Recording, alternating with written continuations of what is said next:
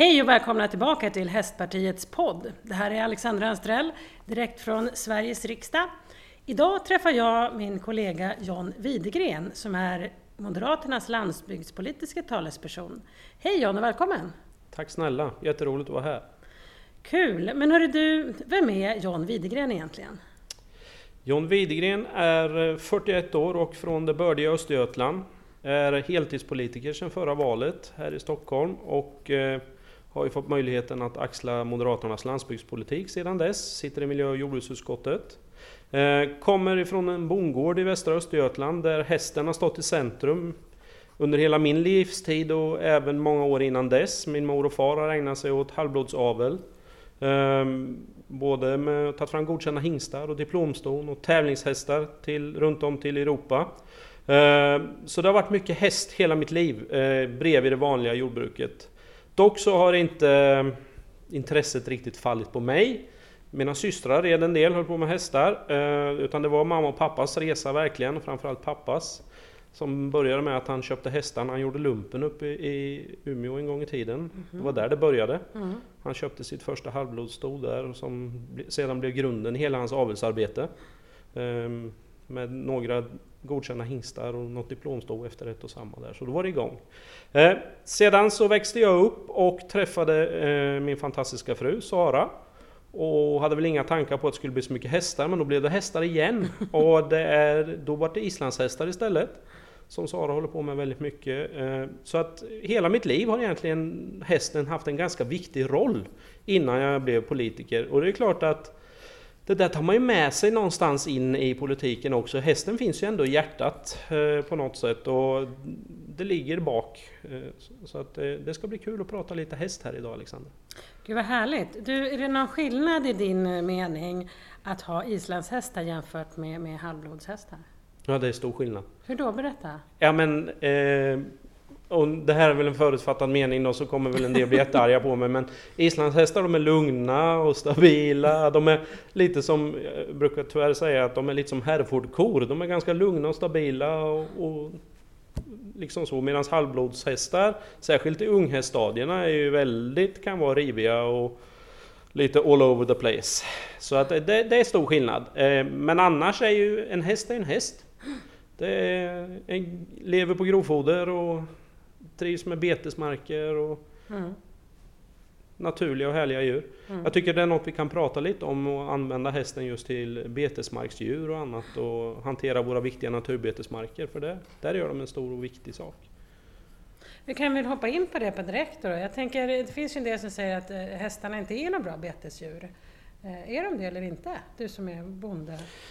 Ja men, ja men jag säger att hästar är väldigt bra betesdjur. Vi har ju mycket naturbetesmarker i vårt företag. Och eh, ja, historiskt då med mamma och pappa var ju mycket hästar. Så de fyllde ju en viktig funktion att hantera naturbetesmarkerna. Nu har vi väl mellan 20 och 30 islandshästar men vi försöker växelbeta dem lite med nötkreaturen där det går. Och det funkar fantastiskt bra och de är ju duktiga på att hantera betesmarker och de är ju duktiga gräsätare. Visst, det blir en hel del rater men de hanterar ju nötkreaturerna sen. Så jag tycker att hästen fyller en funktion i hela den här naturbeteskedjan, absolut. Eh, sen vet jag att det finns många som är kanske lite extra nojiga sådär med vad hästen stoppar i sig, vad det gäller klöver och andra saker. Men jag menar naturbetesmarken är ju fulla utav klöver och det har ju aldrig varit några hästar som har lidit utav det som vi har haft på bete. Så att det är nog en liten skröna tror jag. I vilken ordning skickar man ut djuren på bete? Ja, det beror lite på hur tidigt vi kommer igång och, och vilken typ utav bete. Um, Unghästgrupper, vi har ju då några unghästgrupper, de kan man ju släppa på ett färskt vårbete. Det är mm. inga konstigheter. Eh, de lite äldre hästarna får man ju tänka sig för såklart och då är det kanske mer en efterbetning man kan använda dem på. Eh, och gå och gnaga lite rator liksom efter nötkreaturerna istället i princip. Så det, det, varierar tycker jag. Det måste man ha en tanke och ha en strategi inför betessäsongen. Mm. Det är viktigt. Men eh, har ni islandshästar ifrån Island eller är de svenskuppfödda? Jag tänker det finns ju de som säger att det är skillnad om de är födda i Sverige eller inte, hur de klarar betet. Det, ett par islandsfödda hästar. Eh, tycker inte det är någon större skillnad. Okay. Nej. Det enda som man behöver tänka på där är att de behöver ha täcke på sig eh, för myggornas skull. Ja, just det. Där märker ni en stor skillnad eller hur, hur de klarar? eh, Ja, och, eller märker en stor skillnad, man chansar inte. Nej, okej. Mm. Det gör man inte. Ja, intressant. Du, jag tänker på bete, öppna landskap. Det kom ju en övergödningsutredning här för ett tag sedan som egentligen pekade ut att man faktiskt inte fick ha häst så länge på, på betena. Jag tänker som antal år och sen så skulle man i stort sett inte få använda marken till bete längre. Eh, vet du hur det går med den och, och vad tänker eh, du som moderat talesperson i de här frågorna kring den? Eh, Jag tror att den här utredningen är parkerad långt upp på en hylla eller långt bakom eller om den till och med har hamnat i papperskorgen faktiskt för att det verkar väldigt lugnt med att ta fram politiska förslag ifrån den. Jag tror att eh, vi från Moderaterna väckte ju ganska fort eh, undran över den här utredningen och det gjorde skillnad. Man drog åt sig öronen lite från regeringens sida och det gjorde nog att man man la bak den här en bit. Och, och det ska man väl säga så här att eh, hästarna ibland har väl kanske krupit lite under radarn. Det får man ändå säga. Vad det gäller gödselhantering och betesmarker och annat. Det finns ju ganska mycket exempel på alldeles för små beteshagar tycker jag för hästar. Eh, även om det bara är dagsrasthage. Så att det är klart det, det finns ett problem att hantera men det här var ju löjligt och det var ju en absurdum hur man skulle försvåra och försämra för hästbranschen och hästnäringen Mm. överhuvudtaget. Jag tyckte att förslaget som man tog fram här eh, med dels att det skulle vara då baserat på en viss eh, tid i år och annat. Det, det fanns ingen logik i det liksom. Utan från Moderaternas sida hade vi aldrig släppt igenom de här förslagen. Så kan vi säga. Därför det fanns ingen rim och reson. Däremot ska vi säga så här att Hästbranschen pratar ju rätt så mycket om att man vill lyftas upp och att hästen ska accepteras mer som ett jordbruksdjur och eh, att man ska kunna ta del utav stöd på ett annat sätt och landsbygdsutvecklingsstöd och annat. Då får man nog förbereda sig på att det kanske blir en större granskning också från myndigheter och annat för då kommer man ju in i en annan apparat. Eh, en apparat med EU-stöd och tvärvillkor och den typen av kontroller som det leder med sig. Det ska man nog vara medveten om också. Ehm, Men man får ju skilja på hobbyhäst och företagshäst om vi ska eh, säga så. Ja, du kommer in på en jätteviktig fråga faktiskt. För det är ju en fråga som eh, flera som har på med, eller som håller på med avel har lyft upp. Att det är en sån svårighet i Sverige att det ska bli någon form av, eh, Eh, eller att det är inte generellt lika om man eh, försöker bedriva avel i ena sidan av landet som i den andra sidan. Eh, I vissa fall säger Skatteverket att man måste ha X hästar och, och i det andra fallet säger de att man måste ha Y hästar. Eh, Skulle Moderaterna, eller skulle vi generellt kunna bli bättre att eh, driva eh, företagsfrågorna inom hästnäringen? Ja, det tror jag. Och det behöver man göra. Vi började faktiskt prata om det för ett par år sedan redan, om en, någon form av en samlad häststrategi. För att för det första så ser det ju lite annorlunda ut, även om det är djur vi hanterar och de kan användas som betesdjur och det blir en gödsel efter dem. Men, men det är ju lite annorlunda för det är ju också ett hobbyredskap eller hobbyverktyg för många. Så det är ju stor skillnad. Men just företagsfrågorna, här, här kan man ju lyfta in strandskyddsfrågan till exempel. Det finns bygglovsfråga. Eh, när det inte blir ekonomibyggnad, när de inte klassas som jordbruksdjur. Så att det finns ett antal förenklingsförslag man måste se över på det här. Sen har vi ju hela den generella småföretagarproblematiken som vi har i Sverige. Vi belastar ju våra småföretagare idag med oerhörda administrativa krav. Det kommer nya krav här nu på hästregistrering eh, som väl om de har gällt ett tag men de börjar väl gälla skarpt nu under hösten här i alla fall. Så att vi är ju extremt duktiga på att tolka ner EU-förslag på sämsta möjliga sätt. Eh, och göra det väldigt, väldigt krångligt. Eh, det finns ju ett exempel på eh, de gröna näringarna, vad som faktiskt har hänt sedan vi klev in i EU. Sista 20 åren alltså inom jordbruket lagkraven ökat med över 100 procent. Kraven på journalföring har ökat med över 350%. Oj. Och kraven på anmälan och tillstånd och liknande har ökat med över 400%. Och det är ju, en stor del utav de här sakerna beror ju på EU, men också på att vi i Sverige gör det extra krångligt. Och det är ju jätteolyckligt, för det är ju det här som drabbar småföretagare. Och hästföretagare just är ju många gånger småföretagare. Det kan ju vara en enmansföretagare många gånger som i princip skulle behöva anställa en egen administratör. Och det, det finns ju ingen rimlighet i, men det är, det är, så otroligt mycket journalföring och annat som vi belastar våra småföretagare med. Och där har ju vi förslag om till exempel en regel och förenklingskommission som ska leva liksom hela tiden med berörda myndigheter men även samla branschen. Och den här ska finnas år till år. Det, det, kan inte vara ett uppdrag som man tillsätter så ska de göra en utredning och sen är det klart. Utan det här måste vara en kommission som är rullande och finns hela tiden.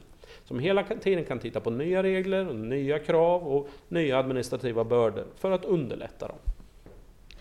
Vem skulle sitta i en sån kommission? Berörda myndigheter, till mm. exempel Jordbruksverket, någon representant från länsstyrelserna. Eh, något som jag tycker hade varit bra så hade det varit att ha med veterinärerna på något sätt. Eh, men sen även branschen. LRF till exempel. Eh, ett par aktiva företagare såklart. Sen är frågan om den här kommissionen skulle vara begränsad till att det är en riks på riks eller om man skulle bryta ner den och kanske ha ett par stycken olika. För Sverige ser ju väldigt olika ut när det gäller företag eh, runt om i Sverige. Men den skulle vara kopplad till de gröna näringarna. Då. Mm. Intressant. Du, jag såg ett klipp eh, eh, häromveckan som jag fick skicka till mig av min eh, kollega i Skåne om att det var eh, två ponnysar som hade blivit eh, rivna av varg i Belgien. Och jag tänker, du eh, befinner dig i Östergötland, ni har eh, islandshästar. Är det här någonting som eh, man uppmärksammar inom eh, landsbygdspolitiken? Att man behöver stängsla in även hästar på ett bättre sätt? Ja, vi börjar så här. Det mm. finns ju faktiskt inga lagkrav på att man ska stängsla in sina djur för att skydda mot rovdjur. Men mycket av debatten har ju börjat föras på det viset att det är djurägarens ansvar att skydda sig mot rovdjur. Mm. Och det tycker jag är ganska olyckligt för att det vi ser nu är att vi har en ganska kraftig tillväxt på rovdjursstammarna. Eh, det finns ju tidigare tagna beslut om hur många vargar vi ska ha till exempel. Det är oftast vargen det kommer när det handlar om hästar. Vi har till och med haft rivna hästar i Sverige också utav varg. Mm. Och björn också ja, vet jag uppe björn. Mm. Men då är vi lite längre norrut. Men det som vi kommer se nu tror jag är när rovdjursstammen växer längre söderut så kommer vi se ett växande problem också med det här. Så det kommer bli, jag tror det kommer vara en väldigt växande opinion i det här. Därför att ju längre söderut vi kommer desto mera utegångsdjur kommer vi ha vintertid. Mm. Under de kalla månaderna så är det mer djur som ändå är ute. Kanske i ligghallar och annat, så de är ute både dag och natt med mm. tillgång till ligghallar. Och då kommer vi se ökade angrepp utav det här. Så det här är en reell fråga att ta hand om. Eh, LRF och eh, Jägarförbundet gick ut tillsammans förra veckan och gjorde ett utspel om att vargstammen behöver kraftigt minskas. Eh, Svenska Kennelklubben hakade på det här lilla upproret. Eh, jag såg igår eller förrgår så hakade Svenska Fåravelsförbundet på. Jag tycker nog att det vore på sin plats att hästbranschen också reagerar på det här. Därför att rovdjuren, som sagt har vi växande stammar. De rör sig längre söderut så problemet kommer att bli vanligare. Och vi, I och med att vi inte jagar vargen på samma vis som vi gjorde förr så är inte vargen skygg på det viset. Vargen ska ju egentligen undvika bebyggelse och tamdjur och annat och hålla sig i det som vi kallar vildmark. Mm. Men så har det ju inte blivit i Sverige. Som vi knappt jagar dem så tycker de att det är tryggt att vara nära människor mm. och nära jordbruksdjur. Så att det här är ett växande problem som vi kommer behöva hantera. Jag tycker därför det är bra om branscherna själva reagerar kraftigt och verkligen tar ställning för det. Så jag ser fram emot att hästbranschen nu blir de nästa som hakar på i det här. Spännande, ja, vi får se vad det man kommer fram till. Jag följde ett inlägg på någon sån här köp och säljsida på Facebook här för några veckor sedan om eh, eh, Det var en dam som ville sälja ett, eh, ett skinn av en islandshäst. Och hon fick så mycket elaka kommentarer om att hon var äcklig och hemsk och, och eh, det ena med det tredje. Sen var det några som gjorde ett tappert försök om att ändå försöka jämställa hästskinnet med ett fårskinne eller liknande. Jag tänker, vad tror du kommer sig att det, liksom, att det blev en så stark opinion mot den här stackars damen? Som, för det var inte hon som hade dödat hästen utan hon hade ju, jag tror att hon hade ärvt det här skinnet. Eh, dels det, det, är min ena fråga och sen tänker jag så här, det är också en, många som inte äter häst. Och på Island, och du som har islandshästar, är det ju ganska vanligt att när, när hästen inte gör det den ska, då äter man upp den. Mm. Vad har du för tankar kring det här? Eh, ja, men jag har nog flera tankar och de går lite åt olika håll egentligen. Jag tycker det, är... det är väl en ganska sund sak ändå som man gör på Island. Man anser att hästen inte är en bra ridhäst, den kommer inte fungera bra i avel. och den kanske inte är i behov av att vara ett betesdjur eller vad som helst. Ja, men då ska man ta bort hästen. Det är väl helt rimligt att man kan använda det som ett livsmedel. Det är ju ett bra livsmedel, hästen är ett bra livsmedel. Eh, det som är med hästar är ju att de många gånger eh, Ja, de kan ju ha varit medicinerade och liknande så det kan ju finnas karenstider och sånt. Mm. Det tycker jag är viktigt att ha med sig. Om man tänker efter den här hästköttskandalen som var då från Mellaneuropa för några år sedan när det visade sig att Findus lasagner och annat var ju hästkött i. När de sa att det var någonting annat till exempel. Det som man inte lyfte så mycket i den debatten då var ju just det här med säkerheten på hästkött. För det första så är ju häst faktiskt ett djur vid slakt i Sverige som man gör trikinprov på. Precis som vi gör med våra vildsvin till exempel. Just det, ja. Eh, där kan jag lova att de här hästarna då som kom med maten från Europa var ju såklart inte trikintestade. Och frågan är ju huruvida det fanns en spårbarhet på läkemedel och sånt. Så där är en viktig aspekt. Men, men hästen är ju ett bra livsmedel. Absolut, det är ett magert och fint kött. Mm. Eh, sen förstår jag då i nästa veva på det här att det väcker mycket känslor. Eh, I Sverige är ju hästen av eh, på senare tid är det ju inte hanterat som ett livsmedel. Man har ju knappt kunnat leverera häst i slakt. Det finns ju bara ett fåtal slakterier som hanterar hästar idag i Sverige. Så det är klart att det glöms ju bort lite. Mm. Och det, det, blir ju väldigt känslomässigt då istället. Och, ja, men, uh, unga ponnymänniskor, tjejer och killar liksom, och sen deras häst måste avlivas. Ja, men då kan de inte tänka sig att äta den. Liksom. Mm. Så att jag förstår den känslomässiga biten i det här. Men det är klart, i ett samhälle som går emot mer hållbarhet Eh, och att vi tänker mer och mer. Och en svensk häst har ju förmodligen fötts upp på ett ganska bra miljö och klimatsmart sätt. Så är det ett jättebra livsmedel, då måste vi kunna hantera det som det. Äter du hästkött själv? Ja, det gör jag, men inte så ofta. Nej. Nej men det gör jag. Spännande! Jag tänker, vi har ju tagit fram i, inom ramen för den här podden så har det kommit fram en del förslag eh, som eh, flera tycker att ja, men det här vore en bra grej, det här borde man ju förändra. Jag tänkte till exempel att man har ju som djurägare ganska stort ansvar för sitt djur och speciellt när man transporterar. Och ett förslag var ju då att man skulle som djurägare, eller i det här fallet just häst då specifikt, men det är väl mer generellt för djur, att man skulle kunna få köra i bussfil om det är väldigt varmt ute och det är bilköer. Jag tror skulle det vara liksom en bra grej? Jag tycker det är ganska intressant. Eh, sen är det ju å andra sidan så att eh, de transporterna som godkänns idag och ska vara godkända ska ju också kunna hantera alla typer utav väder. Eh, sen finns det ju extremfall såklart när det blir extremhetta och det ska hanteras på något sätt och då kan det vara fullt rimligt.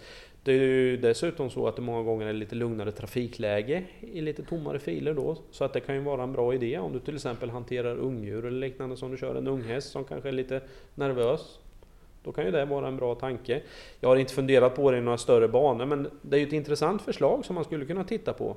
Även om det viktigaste såklart fortfarande är att ha bra och eh, moderna transporter som klarar alla krav som finns idag. Med luftgenomströmningar och ventilation och annat. Mm, mm. Nej, men det är ju jätteviktigt att man, man har rätt transport naturligtvis. Samtidigt så, så händer det ju, speciellt i storstadsregioner, mm. att det, det smäller, det blir stopp i någon tunnel eller liknande, mm. så um, händer det ju saker. Och då tycker jag inte att det är alls orimligt att titta på ett sånt här förslag. Nej. Nej det är för att vi talar hela tiden annars om att vi ska ta hand om bästa möjliga sätt om våra djur när de är ute på gårdsnivå och annat och då ska vi väl göra det i trafiken också. Mm. Så eh, i alla fall åtminstone börja titta på någon form av undantagsregler när trafiken står still liknande. Mm. Helt rimligt. Mm. Sen en annan del som har kommit upp är ju just eh, en problematik kring eh, en veterinärbrist. Ja. Är det någonting som du som dels bonde men också i den här rollen som landsbygdspolitisk talesperson märker av och, och vad, har, vad finns det för förslag kring det? Eh, det här är ju jätteallvarligt. Det är det verkligen. Eh, vissa delar av Sverige idag så akut djursjukvård kan ju vara resor på många, många timmar idag. Mm. Eh, och vi ser även distriktsveterinärerna hur de minskar och det blir långa, långa avstånd och det här är allvarligt. Vi pratar om gott djurskydd och bra djurskyddslag och allting. Men finns det inte veterinärer så kan det vara jättesvårt att uppnå det här. Uppnå de målen som vi faktiskt sätter upp och de kraven som vi ställer. Så att från Moderaternas sida så har vi faktiskt under några år nu tillfört ganska mycket extra medel i vår budget för att utbilda fler veterinärer. Hitta snabbspår för djursjukvårdare. Eh, vi har även pratat en del om eh, ganska mycket veterinärer som kommer utomlands ifrån blir inte behöriga här i Sverige och de kan inte mm. färdigställa sina utbildningar och sådana här saker. Eh, vi tittar på att kunna ha journalföring på engelska och sådär. Så det finns olika saker man kan titta på. Eh, men det viktigaste är ju att det utbildas för få veterinärer. Sen finns det ett annat bekymmer i just det här med veterinären och det är att en stor del av de som utbildar sig till veterinär idag är inte så intresserade av stora jordbruksdjur och stora djur utan mm. intresset har gått väldigt mycket mot smådjur och det är klart att det är lite skillnad på att ta hand om en katt eller att ta hand om en stor hingst på 700 kilo. Liksom. Ja. Så att, eh, där har vi också ett bekymmer. Men steg nummer ett måste ju såklart vara att vi får fler veterinärplatser på utbildningsplatser. Mm. Eh, nu har regeringen vaknat efter att vi har kört det här ett par år, så nu tillför regeringen mera medel även i sin budget. Så att oavsett vilken budget som vinner under hösten här så kommer det finnas plats för mer veterinärplatser så att vi börjar utbilda fler veterinärer och det tror jag är oerhört viktigt. Halleluja! Ja. Jag tänker, det är så oerhört svårt att komma in på en veterinärutbildning och ändå så har vi då veterinärbrist. Alltså någonstans, hur långt eh, bakåt i tiden eh, har den här problematiken funnits? När borde man ha gjort, alltså, dragit i handbromsen tidigare? Jag vet inte egentligen. Eh, problemet har ju vuxit ut ordentligt på senare år här. Jag tror det var, det var en större heder kanske i att vara veterinär för. Mm, okay. Eh, mm. Eh, jag vet också, men jag vet inte hur långt tillbaka i tiden det var, men då tog man ju även in veterinärstudenter på intervju och sånt. Mm. Har jag fått det berättat mm. för mig. Jag har mm. inte, och det är klart, det är ju intressant. Mm. Men eh, jag vet inte när det blev så här, men det här är ett stort problem som vi måste hantera. Och det är inte djursäkert att det har blivit som det är idag. Nej. Vi pratar om vårdpersonal på människor och åka långt till BB och liknande, men det är samma sak med våra djur. Har vi bestämt oss för att ha djur så har vi ju ett ansvar för att ta hand om dem på bästa mm. sätt också. Mm. Verkligen. Då för det mig osökt in på nästa fråga. Det handlar ju om att eh, levande djur idag hanteras ju i köp mellan företagare till privatperson i konsumentköplagen, mm. vilket gör att djur kan hamna i kläm. Mm. Är det något som du som företagare har eh, någon erfarenhet av? Jag har själv inte råkat ut för det, men man har ju hört historier om när det har gått fel i mm. det här. Och det är klart att det har ju faktiskt funnits riksdagsbeslut eh, förut eh, om att se över det här med konsumentköplagen på häst. Det har inte hänt fortfarande. Man talar om det, man talar till och med om det på EU-nivå vad jag förstår. Ehm, vi väntar ju fortfarande på att någonting ska hända och vi har ju drivit det hårt från Moderaterna. Vi måste göra den här förändringen. För det är inte ett kylskåp man köper, det är en levande ting. Mm. Och då måste det finnas en tydligare linje för vad som gäller. Ehm, så att vi driver ju det fortsatt. En mm. översyn eller förändring utav eh, eh, konsumentköplagen för levande djur. Vi var inne på veterinärbristen där. En annan fråga som kom upp här under sommaren var ju, åtminstone här i Stockholmsområdet, jag tror i hela landet, så har det varit en enorm brist på Metacam. Det har i stort sett varit omöjligt att få tag i till hästar. Eh, jag vet att jag fick sista flaskan här i Stockholm. Jag försökte hitta hela vägen upp mot Jämtland igen, då skulle resa dit. Det gick inte att få tag i. Man hänvisade till pandemi och andra delar. Ehm, jag har för mig att jag läst någonstans att man jobbar med att titta över någon form av beredskapslager för även djurmediciner. Är det något som du kan berätta något mer om? Eh, det är ju flera myndigheter egentligen som har fått uppdrag om eh, att se över hela beredskapsläget. Eh, och medicin, både på human och på animalie, är ju en viktig del i beredskapsutrustning. Vi, vi såg ju när pandemin kom på olika sätt. Både insatsmedel, reservdelar till exempel i jordbruket. Eh, vi har sett mediciner och andra saker som har lidit utav det här. Eh, att det var så här illa hade jag inte hört, det var väldigt intressant. Eh, vi har ju också drivit det här från moderat sida under flera år. Även om det glömdes bort ett antal år hos Moderaterna att det var viktiga frågor det här, så har vi på senare tid förstått att beredskap, försvarsbiten, jätteviktiga frågor. Så det här är definitivt någonting som vi jobbar vidare med. Men det finns också myndighetsuppdrag som hanterar det här idag. Mm. Eh, framåt. Men inte desto mindre viktigt för oss att vi driver på i frågan. Mm. Sveriges hästnäring är ju enormt bred och stor. Det finns ju allt ifrån att man odlar maten till hästen till att man vinner eh, OS-guld i hoppning eller annat. Så däremellan finns ju massa företagare och, och massa eh, människor som hanterar hästar mer eller mindre varje dag. Jag tänker du som nu är i politiken och sitter i det här riksdagshuset och vi faktiskt inte har en landsbygdsminister längre. Det finns ju en som ansvarar för frågorna men som inte är landsbygdsminister. Men om vi fick en ny regering nu och du fick eh, frågan om du vill vara landsbygdsminister. Vad skulle du då bestämma för att förbättra för Sveriges hästnäring? Det finns ju ett antal saker, vi har ju lyft en del utav de här. Ehm, jag tycker att man ska lyfta fram hästnäringen. Ehm, det har inte, det har inte gjorts tillräckligt. Ehm, man behöver nog titta över en samlad strategi just för att hästen idag inte räknas som lantbruksdjur och liknande. Hur ska vi ha det med hästen framöver? Man behöver titta hela företagarbiten med regelkrångel, administration, göra det enklare. Men det allra, allra första är att man måste börja prata mer om hästen, prata väl om hästen. I politiken pratas det ju knappt om hästen. Det är ju väldigt sällan vi står inne i kammaren här och någon pratar om hästen. Det, det, det finns... Jag har gjort det. Ja, absolut, men det är väldigt sällan. Och eh, jag skulle säga att det finns i vissa kom partiers kommittémotioner, det finns några rader om hästen längst bak i de här motionerna. Och då pratar vi hästen. Det omsätter ju miljarder i Sverige, hästar. Det är, både som du säger, det finns de som producerar maten till dem, och det finns de som vinner OS-guld på hästen, precis som du säger. Så det är ett brett spann. Det omsätter mycket pengar, det eh, gör väldigt många människor glada, och det finns många hästar i Sverige. Så att det här är en fråga som behöver lyftas upp. Och man får börja någonstans med att ta fram en häststrategi. Man måste göra bättre för småföretagare, men även för alla de som har hästen privat och som en hobby och se över att de regelverken är enkla att följa och att vi inte belastar dem med onödig byråkrati, administration eller avgifter och skatter. Så en samlad häststrategi. Det låter ju fantastiskt John. Då jag röstar på dig. Ja, det är gulligt. Men du, jag tänker så här avslutningsvis nu då. Det är eh, tisdag och jag ska slänga mig vidare till eh, ett styrelsemöte i Ryttarföreningen faktiskt. Eh, hur ser din kväll ut?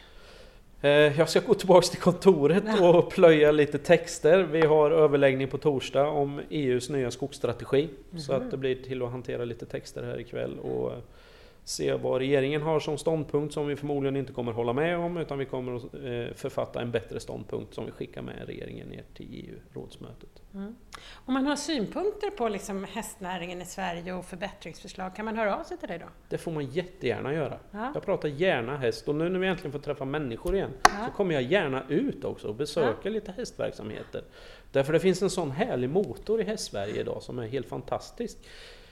Både på ridhästar men även på liksom avelsarbete och alltihopa. Det, det skulle vara jättekul att få åka runt och göra lite hästbesök under det här valåret som kommer nu. Eller hur? Ja, ja jag tänker göra det. Så ja. vi kanske kan sammanstråla på Verkligen. lite fler grejer. Verkligen. Ja, men och så slå har... ett slag för hästen i politiken. Eller hur? Ja. Ja, så att, har du som lyssnar eh, funderingar, synpunkter så får du jättegärna höra av dig antingen till mig, Alexandra Anstrell, eller John Widegren. Eller oss båda så kan man få två flugor i en smäll. Absolut. Bra, men då tackar vi för idag. Tack snälla John för att du var med. Och tack för att jag fick vara med. Ja. Kul. Och till er andra så blir det ett nytt spännande avsnitt av podden Hästpartiets podd nästa vecka. Tack och hej!